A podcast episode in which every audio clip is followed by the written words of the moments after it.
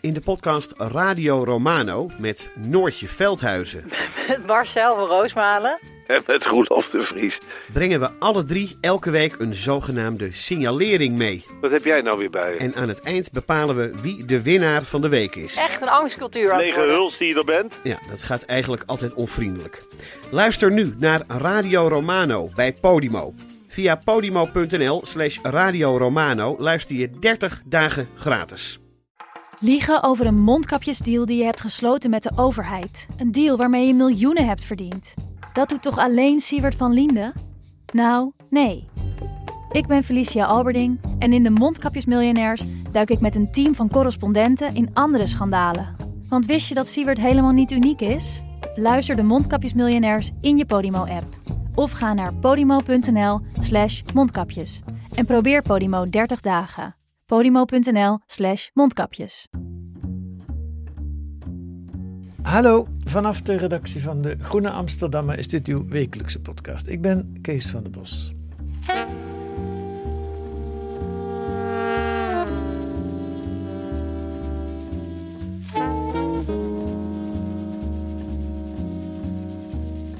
Hat Island is een eiland bij New York. Of in New York moet ik eigenlijk zeggen. Mag ik dat zeggen in New York? Het is in New York. Ja, hè? het hoort bij de stad, maar het hoort er ook weer niet bij. Het is moeilijk om er te komen en voor journalisten bijna onmogelijk. Het is een kerkhof voor mensen uit New York die geen geld hebben om de begrafenis te betalen. Of mensen die geen nabestaanden hebben. Arme mensen dus en daklozen. Er liggen er meer dan een miljoen, zonder eigen graf of gedenkteken. En elke week komen er zo'n 40 bij. Groene redacteur Lise Geurt schrijft er deze week in De Groene een heel sfeervol portret over. En nu zit ze hier. Dag Lise. Hi. Hoe kom je nou in zo'n verhaal? Dat is het eerste wat ik dacht. Een, Ja, een kerkhof in New York. eh, het is heel specifiek en het is al helemaal ehm, moeilijk omdat bijna niemand het kent. In New York ook niet. Nee. Ehm, dus ik was er zelf, eigenlijk werd ik er steeds verbaasder over hoe meer ik hoorde hoe obscuur die plek is. Maar ehm, hoe hoorde jij ervan?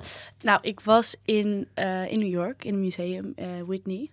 En daar was een artiest, een kunstenares, Coco Fusco heet ze. En zij had een soort video gemaakt van zichzelf in een wit bootje. Terwijl ze roeide in, in het water, zeg maar, tussen de, de Bronx en Hart Island. Er zit ongeveer 800 meter water tussen. Eh, en ze strooide bloemen uit in het water. En het was een, een hele ja, een best een abstract kunstwerk. Dus ik, ehm, ik weet niet of ik dat helemaal begreep. Maar ik was vooral eigenlijk heel erg gegrepen door, door die plek, dat dat bestond. Ik dacht, wat is dit voor iets middeleeuws? Ehm, hoe, hoe kan dit eigenlijk nog actief zijn? Ja. Ehm, dus toen ben ik er meer over gaan opzoeken en nou ja, teruggegaan daarvoor. Hey, en iets heel anders. Hoe kwam je in New York terecht? Was je op vakantie of wat was je aan het doen? Oh, ehm, mijn ouders hebben er de afgelopen vijf, of in Washington de afgelopen vijf jaar gewoond. Oh, jij Ehm, zelf ook, of niet? Nee, ik niet. Nee, ik ging gewoon als het kon langs.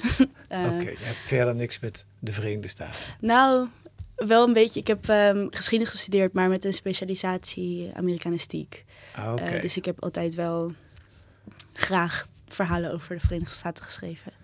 Ehm, en ja, ik wilde dit ook heel graag nog een keer doen. Ja, en je ouders naar eh, de Verenigde Staten verhuisd zijn, is dat een extra aanleiding om daar eens af en toe ja. naartoe te gaan? Ik heb de kansen aangegrepen Ja. om, om zo vaak mogelijk eh, daarheen te gaan. En wonen ze er nog steeds of zijn ze alweer terug? Ze zijn net terug verhuisd. Ah, ja. Eh, dus ik ging nog één keer bij ze langs. En toen zijn we ook eh, naar New York gegaan, eh, zodat ik hierheen kon. Eh, ja. Oké, en en je zei net, ik studeerde eh, A- Amerikanistiek ja, in... eh, Amsterdam. En, en even een klein beetje over jou. Je bent fellow bij De Groene. Dat wil zeggen Ja. dat je op een, op een de Martin van Amerongen fellowship, een beurs, mag je een jaar eh, redacteur bij De Groene zijn. Ja. Eh, dat, nou, dat lijkt me een eh, mooie kans om voor jonge journalisten om zich te ontwikkelen. Dat is geweldig. En ja. hoe, hoe, ben je, hoe ben jij in de journalistiek terechtgekomen? Oh. Ehm, ja, eigenlijk ook via mijn ouders. Ehm, die zijn allebei journalisten. Ah, Ehm, en vroeger verzette ik me er altijd heel erg tegen hoor. Als in, ik, ik dacht, ik kan me niks ergers bedenken dan dat je de hele dag... Nou, zij schreven ook boeken, dus dat je jarenlang met hetzelfde bezig bent. Of, Je zag dat bij hen en ja. je dacht, dat, zo wil ik niet worden. nee, maar het is erin, ge, het is erin geslopen. Ehm, Wat- Zoals dat gaat, op een gegeven moment kom Ja. je tot de ontdekking dat je toch meer op je ouders lijkt dan je, ja, dan je vroeger zou willen. Ja, en ik dacht gewoon, wat, dat is het leukste vak eh, dat er is. Ik ging het voor de eerste keer proberen, vooral op reportage gaan. En toen dacht ik echt, eh, hoe, hoe, hoe is dit een baan? je mag gewoon de hele dag met mensen praten eh, en ze vertellen je van alles. En ehm, vervolgens mag je er ook nog over schrijven. Ja, uiteindelijk bleek het toch eh, wat ik het liefst wilde doen. Ja. En waarom vond je het vroeger bij je ouders dan zo saai om te zien? Weet je dat nog? Ehm, nou ja, wat je natuurlijk van buitenaf veel ziet. Ik zeg natuurlijk op reportage gaan en dat doe je. Maar wat je vaak ziet is iemand die zit achter een bureau en achter een computer. Ehm, En je belt wel veel, maar ik vond dat toch vroeger dan niet zo indrukwekkend. En dacht ik, nou, ehm, ook saai. Ja, jij wilde meer de wereld Ik in. wilde meer de wereld in. En nu, nu zie ik wel dat je die, die kans juist krijgt ehm, als journalist. Alleen er is ook veel bureauwerk aan verbonden. Ik bedoel, uiteindelijk ben ik twee dagen op pad geweest voor dit verhaal over Hard Island. En heb ik er drie weken aan geschreven. Zo gaat het dan wel. Ja. Maar, Ja. eh, Ja. maar ja, het is gewoon... Ik weet niet, zoals je vroeger een boek las en dan helemaal werd meegevoerd naar een andere wereld. Dat heb ik eigenlijk nog steeds elke keer als ik op reportage ga. Dat is gewoon heel bijzonder. Ja. En je bent ook iemand die mooi kan schrijven. Ik bedoel, ik ken jou nog van twee jaar geleden, drie jaar geleden had- zat ik in de jury van eh, de VVOJ. En jij was genomineerd toen voor de aanmoedigingsprijs, journalisten onder Ja. 30 jaar. Met een prachtig verhaal in de NRC over een camping in Brabant. Maar ook dat verhaal, net als dit verhaal eigenlijk, kenmerkte zich. Ja, kijk, veel journalisten zouden dit kunnen aanpakken, maar niet veel journalisten zouden het zo mooi kunnen opschrijven als jij het doet. Dankjewel. Maar is dat eh mazzel? Heb je daar speciaal voor gestudeerd? Hoe ko- kom je aan, die, aan dat mooie schrijven? Ja, ehm, dank je trouwens. ik bedoel, eh, maar ja, ik, ik denk echt. Ik ben ehm, vroeger veel gecorrigeerd op een leuke manier door, door mijn ouders. Ja, ik heb gewoon, ik heb echt heel veel van dit werk van ze geleerd. En nu, ja, nu, ik bedoel, ik ben langzaam maar natuurlijk gewoon dat zelf gaan doen. Ehm, helemaal onafhankelijk bedoel ik gaan doen. Maar ja. ehm, Heb je er geen speciale schrijfopleiding of zo voor ik heb een, wel een master journalistiek gedaan. zeker. Ja, oké. Ehm, en daar leer je natuurlijk ook wel echt zeker allemaal trucs en hoe je goede opbouw moet, moet eh, maken en ehm, Sfeer moet sfeer beschrijven. moet beschrijven. Ja, ik denk Ja. gewoon dat dat, dat een manier van kijken en die heb ik wel echt ehm, f- ja, van vroeger. Ja, ja. Nou ja, kijk, nu heb je zes pagina's in de groene over een eiland bij New York waar je uiteindelijk niet geweest bent. Ja. Want je mocht, want je mocht er niet op. Laten we, laten, we, laten we het eens gaan beschrijven. Hard Island, waar Ja. hebben we het over? Het is, eh Hart Island is, is een eiland, geen Ja. schiereiland. Ehm, het ligt naast de kust van New York, maar heel noordelijk. eh, naast de Bronx, Ja, grote volkswijk. Ehm, nou, heel dichtbij. Vanaf de kade van de Bronx kun je het gewoon zien liggen. Het is 800 meter ongeveer. Ehm, het is ook niet zo groot, maar heel langwerpig. Het is een soort lange streep. En ja, sinds 1869 mhm. eh, zijn daar een miljoen mensen eh, begraven. een miljoen mensen. Ruim een miljoen zelfs. Ja. ja. ehm, en nog steeds komen er elke week 40 kisten aan ehm, van mensen uit New York. Ja. Ehm, en dus inderdaad, zoals je zei, vooral, vooral mensen die niet een eigen begrafenis kunnen betalen, of wiens nabestaanden dat niet kunnen, of die geen nabestaanden hebben.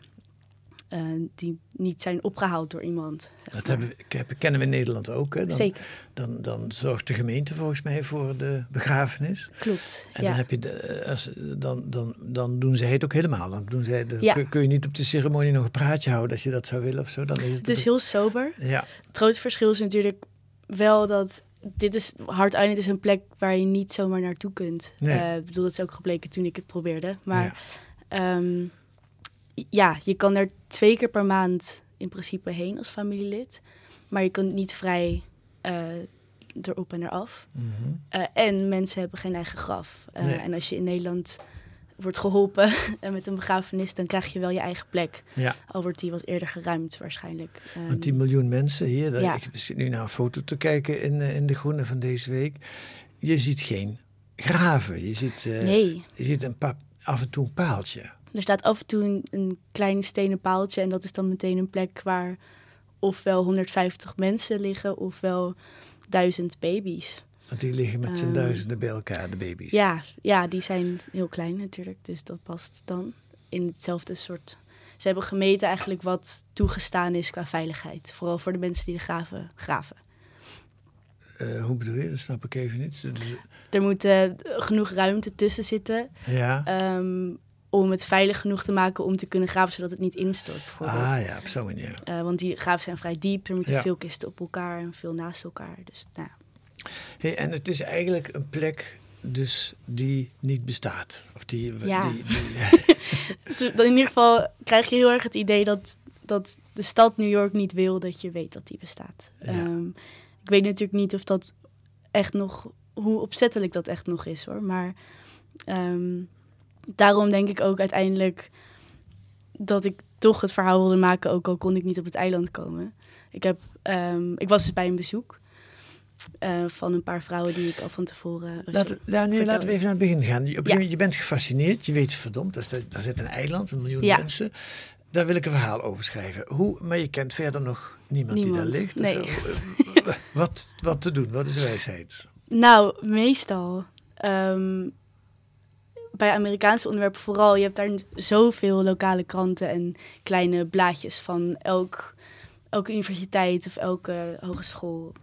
Dus ik ben gewoon gaan zoeken naar die naam en gaan zoeken naar mensen die genoemd werden in, eh, ja, in één zin met de naam. Ja, Eh, en zo kwam ik bij Elsie Soto uit. Ja. Die studeert nu eh, verpleegkunde eh, aan een klein community college in New York. En die had in het blaadje van het community college een, eh, een stuk geschreven, een kort stuk. over Hard Island. Of Eh, waarin- ja, over haar vader, die, die daar ligt. Oké.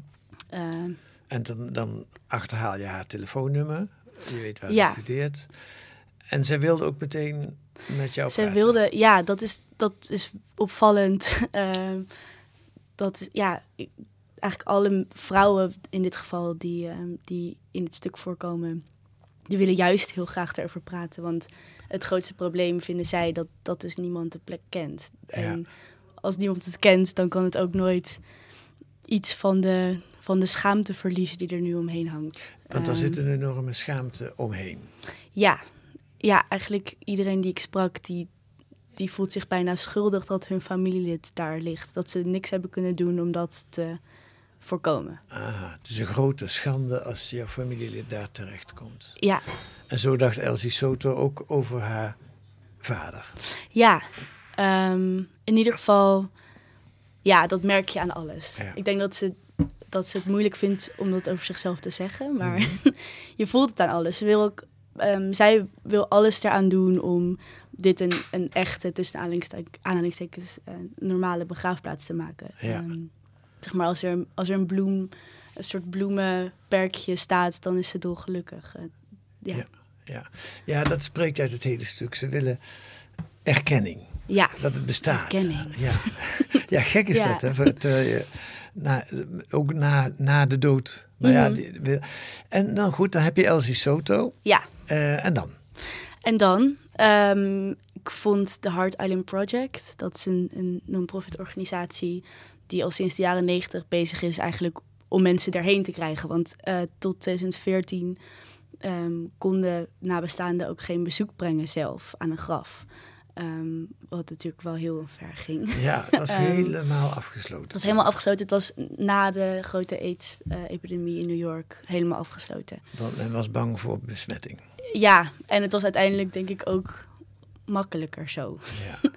Ehm, want nu hoefden ze natuurlijk ook niet zoveel te doen aan, aan hoe het eruit zag, hoe het erbij lag. Ehm, het was toen nog zo dat ehm, in 2014, dus en ook in de jaren 90, dus heeft altijd gehoord bij het Department of Corrections, eh, het gevangeniswezen. Dus de gevangenen van Rikers, de bekende gevangenis in New York, die, Die daar in de buurt ligt. die daar in de buurt ligt, die nou, werden overdag daarheen gescheept en die moesten die graven graven. Hm. Ehm, en als je dus op bezoek wilde na 2014, het is nu net pas overgedragen naar een andere afdeling, dan eh, ging dat in zo'n gele gevangenisbus en werd je begeleid door gevangenisbewakers. Ja, dat hielp ook niet echt om de schaamte minder Nee. te Eh, nee, nee, Nee. Tenminste, zo voelde zij dat helemaal niet natuurlijk. Nee, nee. Ja, Oké, dat is- je kwam met de Heart Island Pro- Project. Wat is dat precies? Ja. nou, zij zijn dus al, al lang bezig met eigenlijk het verbeteren van de omstandigheden voor nabestaanden. Dus, en ze werken aan proberen dat stigma wat weg te, te krijgen. Zijn dat Ehm, ook mensen die daar nabestaanden hebben liggen? Of hoeft Nee. Nee. Nee. nee, het is eigenlijk één vrouw. Melinda Hunt heet ze. Zij is echt helemaal de, de vrouw die dit leidt. Oké. Al sinds de jaren negentig. Ze vertelde dat ze een keer terugging naar een, ehm, een reunie van Yale, waar ze op school had gezeten, als ik het goed heb. En dat zoveel van haar klasgenoten aan aids waren overleden, ehm, dat ze, nou ja, ook hoorde van Hart Island en dacht van, het kan toch niet dat, dat die mensen, ehm, dus ook veel mensen met aids die daar begraven zijn, dat die zo'n einde hebben. Hm. Dus zij zich daarvoor gaan hard maken. En eigenlijk heeft zij Waarom doet ze dat? Wat is haar motivatie? ja, een hele goede vraag. Daar, ja, eigenlijk is dat iets dat ik nog niet helemaal doordrongen heb, vind ik zelf. Ehm, Ze doet het met hart en ziel. ze doet het met hart en ziel. Het is haar werk ook. het is haar werk ook. Ja, Ze wordt betaald vanuit wordt fondsen aangeboord. ja, en ze is wel, ze is echt zo'n zo'n zo'n Amerikaanse activist. Echt zo'n eh, vakbondsvrouw zou ik bijna denken. Van, maar, iemand die echt die alles regelt en ook vindt dat, dat het van, van onderaf moet gebeuren, zeg maar. Mm. Van onderaf naar boven. Ehm, dus ze heeft ook heel lang, zeg maar, ze is gewoon heel vasthoudend. Ze gaat dus naar alle vergaderingen eh, die gaan over Hart Island om daar te betogen waarom het belangrijk is. Ehm, dat, dat er aandacht voor is en dat eh, nabestaanden vrij in en uit kunnen gaan. En nou, dat doet ze dus al, al 30 jaar. eh. Het is altijd wonderlijk ook, hè, dat dat soort mensen Ja. bestaan. Ja. Die, die hun leven daaraan wijden. Zeker, ja. Ja, en dat, vinden die vrouwen natuurlijk ook. Ja. Ehm, En wat zit er voor Melinda Hunt zelf in, denk je? Waarom zou Ja, ik vraag het toch nog een keer. Waarom zou ze nee, het is een goede vraag. Ik, ja, ik denk zelf, als ik het in moet schatten, dat, ehm, dat zij zich wel ook een soort politicus voelt. Een soort iemand die opkomt voor zwakkeren. Ik, en ik denk, ja, ze maakt er wel een naam mee. Eh, niet dat ik denk dat dat per se is wat ze wil, maar ehm, ik denk dat ze dit werk wil doen. En dat ze ook heeft gezien dat er heel veel te winnen viel. En dat er echt wel mensen in de wereld en in New York zijn die zich achter haar zouden scharen. Want de, ja, er was nogal wat werk te doen. Een, va- een vakbondsvrouw voor dode mensen. Ja, Nee. mooi gezegd, ja. Maar eigenlijk natuurlijk ook voor de nabestaanden van die dode mensen. Ja. Want die, eh, ja, daar, Die daar, zoeken er het meest naar. Ja, ja. ja. daar doe je het voor. Daar krijg je ook de erkenning van. Die, Ja. zijn, die zijn eventueel die zijn dankbaar als je iets bereikt. zeker. Ja, Oké, dan heb je Elsie Soto. Elsie Soto. En je hebt Melinda Hunt. En, Ja. en dan? Nou, ehm, ik heb uiteindelijk via Melinda en Elsie en nog een paar anderen geprobeerd om dus eh, toegang te krijgen eh, om op het eiland te komen. Ehm, want ik kreeg al snel te horen zelf van de afdeling parken, die dus nu beheerder is, ehm, dat ik niet mee mocht. Ehm, Gewoon als journalist? als journalist zeiden ze, ja, het is nog niet op gang gekomen na eh, corona. mee. Met corona zijn er heel veel mensen begraven. Eigenlijk omdat alles overvloeide in New York. Er was gewoon geen plek meer. Ja.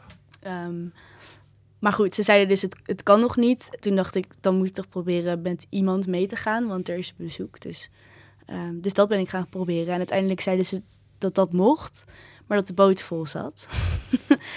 Maar je Ehm, beschrijft dat die boot helemaal niet vol zat. Nee, ja, ik kwam daar op zondagochtend en Want ik dacht, ik ga het ook nog proberen gewoon. En ik wil het natuurlijk ook zien. Ja.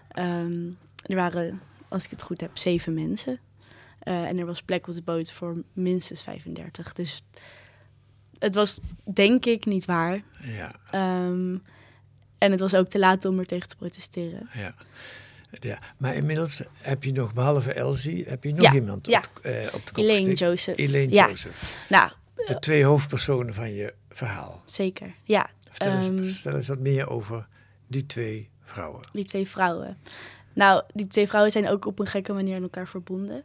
Ehm Elaine is wat ouder dan eh, Elsie. Eigenlijk had ze haar moeder kunnen zijn. Ehm, en ze zijn allebei opgegroeid of hebben lange tijd gewoond in het eh, Alfred E. Smith volkshuis, volkhuisvestingsproject. Dat is zo'n groot, eh, wat ken ik uit Amerikaanse Ja. series, van die eindeloze eh, hoeveelheid grote flats. Het zijn echt van die, van die gigantische woontorens. En het zijn er dan twaalf op één klein vlakje. En tussen Ja. elke paar torens ligt dan een klein grasveldje. En daar wonen over het algemeen eh, eh, weinig bemiddelde Ja. mensen. Ja, het is echt sociale huur. Ja. Ehm, en nou ja, het was echt ook... Het Daar is gebouwd in... Elaine, nee, woont daar. Ja, Of, of woonde daar, moet ik zeggen. Of ja niet? volgens mij wel. Ja. Ja, ja. Ehm, Elsie's moeder bijvoorbeeld woont er nog wel. Dus er is nog altijd wel verbinding. Oké. Ehm, maar in ieder geval alleen groeide daar op en ehm, vertelde me over een avond waarop ze naar huis liep. Het is dus eigenlijk ehm, bij de eh, voet van de Brooklyn Bridge gebouwd. Eh, en het was daar nog veel leger dan het nu is. Nu is natuurlijk elke centimeter van de stad vol. Mhm. Ehm, toen was er alleen een vismarkt overdag en s'avonds niks.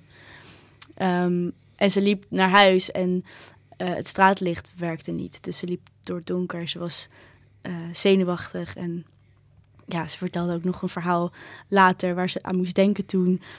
eh, over een vriendje uit de buurt die met een bel was aangevallen tegenover de straat. Dus het hielp natuurlijk allemaal niet.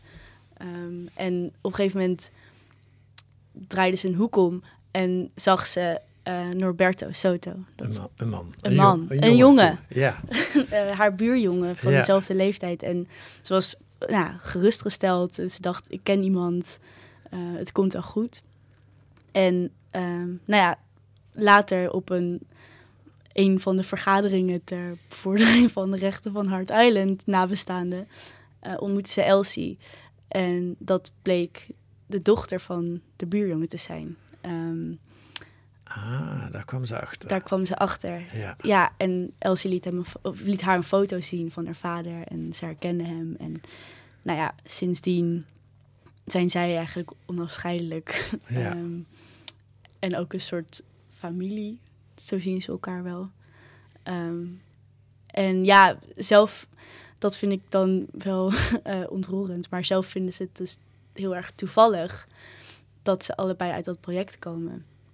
Maar eigenlijk is dat natuurlijk niet. Want ja, helaas zijn het eigenlijk alleen maar mensen die op Hard Island liggen... die geen geld hebben voor een begrafenis. En dat Ja. zijn nou eenmaal ook vaak mensen die ehm, in die flats wonen.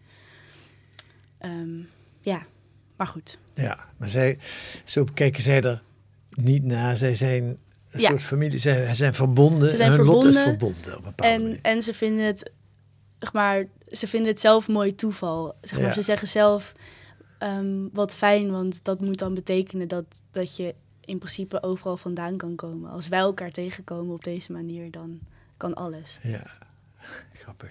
Ja, En het zijn Amerikanen, stel ik me zo voor, Ja. met andere woorden, hebben het hart op de tong. Die vertellen heel, Ja, heel dat is fijn. veel. Ja. Ja. ik, ik heb zelf ooit ook een documentaire in Amerika gemaakt, een radiodocumentaire. Toen was ik aangenaam verrast door de, de prachtige manier waarop mensen vaak kunnen vertellen daar. Hè? Veel Echt, beter dan ja. hier. Veel, en je hoeft echt, nou, je drukt een knopje in en Ja. ze gaan. Ja, Ja, Ja. dat is geweldig. Maar goed. ja, alhoewel als ze dan klaar zijn en je vraagt door, dan wordt het wel weer wat moeilijker. Ja, dat is waar. Het is wel vaak een, een van tevoren bedacht verhaal, heb je Ja. dan het idee. Ja, Ja. Hey, en, en, en we- we zitten alweer, we naderen alweer het eind. Wat is, wat is hun grootste wens van die twee vrouwen? Wat willen ze? Ehm, nou, wat ze het liefst willen, is dat ehm, er bankjes komen te staan. dat zegt dan wel iets over Je lacht Ehm, vanwege de bescheidenheid. Ja, ik lach vanwege de bescheidenheid. Het is gewoon, wat er nu staat, is, het zijn twee dicties. En dat is het. Ehm, dus eigenlijk voor hen is alles een verbetering. Ja. Ehm, maar goed, uiteindelijk dromen ze natuurlijk groot en willen ze een bezoekerscentrum waarin de mensen die daar liggen geëerd worden. Ze willen een herdenkingssteen en die is er nu ook gekomen. Ehm, ze willen vrije toegang, dat is eigenlijk het belangrijkste. Ze willen er Ja. met kerst naartoe kunnen, dat kan nu niet. Ehm, en ja, En ik zit aan te denken, wat zit daaronder? Ze willen, ja, wat, wat ik al zei, erkenning. ze willen erkenning. Ik denk ze willen zich niet meer schamen. Ehm, en ze willen gewoon eigenlijk. Ik bedoel, iedereen wil natuurlijk dat, dat hun familielid geëerd wordt na de dood. En dat mensen fijne dingen over ze zeggen. Ja. En dat ze een mooie rustplaats hebben. En Ja, ehm, dat willen zij ook. ja. Ja, ja, een pijnlijk detail is ook, Elaine Joseph waar heeft een dochtertje eh, Ja. daar liggen, hè, die al heel vlak na de geboorte is overleden. En ze, ze kunnen niet eens meer vertellen waar haar dochtertje ligt. nee, nee, ja, dat is. ehm, die gegevens zijn dan weer verloren geraakt. Ehm, en Melinda Hunt, dus, die heeft een heel GPS-systeem opgezet. En die, die heeft op een of andere manier wel kunnen achterhalen waar het jaar voor dat meisje en het jaar na dat meisje baby's begraven zijn. Dus Elaine weet ongeveer waar Ja. zij ligt. Ja. En ze heeft eigenlijk dat wel geaccepteerd. Dus ze neemt altijd een knuffel mee en dan zet ze die ergens neer op het eiland. En dan is dat de plek voor die Ja, keer. ja. Ehm, ja. En dan beschrijf jij weer, dan komt ze de volgende keer en dan is de Maya eroverheen geweest. ja, En dan ligt die dat zegt ze zelf daar. gelukkig lachend. Maar het is inderdaad, eh, ja, dan ligt de knuffel daar eh, in stukjes. Wat ik me nog afvroeg, zijn het ook strijdbare vrouwen in hun eigen leven? Gaat dat samen? Of, of dus, vechten ze ook voor vakbondsrechten? Voor hun, ik weet niet wat voor werk ze doen of hoe ze leven. Of, of zijn ze vooral met, eh, met het Hard Island bezig? Nou, nu wel, eh, merk ik.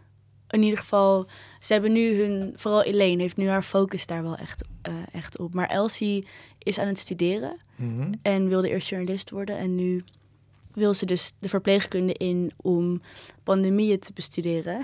Ehm, en ja, ze zelf beschrijft ze dit wel echt heel erg als een soort dat Hard Island haar, haar openbaring is geweest van dat zij een activist moet worden. Ah, Ehm, dus ja, ik zou over haar in ieder geval zeggen, zij is, zij is heel strijdbaar en ze wil heel graag. Ze gaat ook nu toetreden tot het bestuur van, het, eh, van de stichting, of het non-profit moet ik zeggen. Ehm, van Melinda. Hunt. van Melinda Hunt. Ja. Dus ze gaat het ook ze gaat het doen. Ja, ja. het wordt haar werk. Prachtig. Lees dit verhaal, eh, kan ik alleen maar zeggen. Ehm, eh, waar ben jij nu mee bezig, eh Elise? Wat is, wat is het volgende dat Het aan is heel anders. Ehm, nee, ik heb net een verhaal afgemaakt ehm, over de kerkraadse politiek. De kerkraadse politiek. Ja, Eh, met mijn collega Casper Thomas. Ehm, Ja. Dat is voor het nummer van volgende week. oké. En ehm, hierna ga ik weer een Nederlands verhaal maken, ehm, als het goed is, over, eh, nou, over een verdwenen ehm, meisje dat als vluchteling naar Nederland is gekomen.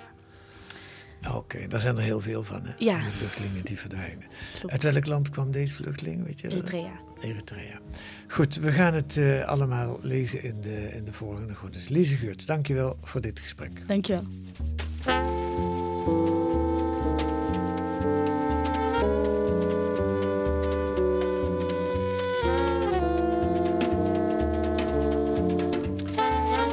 Wat staat er nog meer in de Groene deze week? Een profiel van het KNMI, dat deze week de klimaatscenario's voor Nederland uitbracht. Dit eerbiedwaardige Weerinstituut, opgericht notabene door de meteoroloog Buis Ballot in 1854, eh, probeert het hoofd koel te houden in het verhitte klimaatdebat. En een reportage van groene correspondent Simone Korkus uit Israël. In de ruim twintig jaar dat ik hier werk, heb ik de Israëliërs nog nooit zo ontredderd gezien, schrijft ze. En na de vele maanden van protest tegen de voorgestelde rechtshervorming van de regering Netanyahu, lijkt de operatie van de Palestijnse vrijheidsstrijders het laatste strootje dat de kamelenrug breekt, zoals men dat in het Hebreeuws zegt. Lees dat in De Groene deze week. Met een abonnement of een proefabonnement ga dan naar groene.nl. Daar staat uitgelegd hoe u 10 weken De Groene kunt krijgen voor 15 euro. Wilt u reageren op de podcast, dan kan dat ook. Stuur een mail naar podcast.groene.nl. Volgende week zijn we er weer met analyses en achtergronden bij het nieuws in deze podcast van de Groene Amsterdammer, die deze week werd gemaakt door Claire Venema en Kees van der Bos. De muziek is zoals altijd A Tune for N van Paul van Kemenade. Tot volgende week.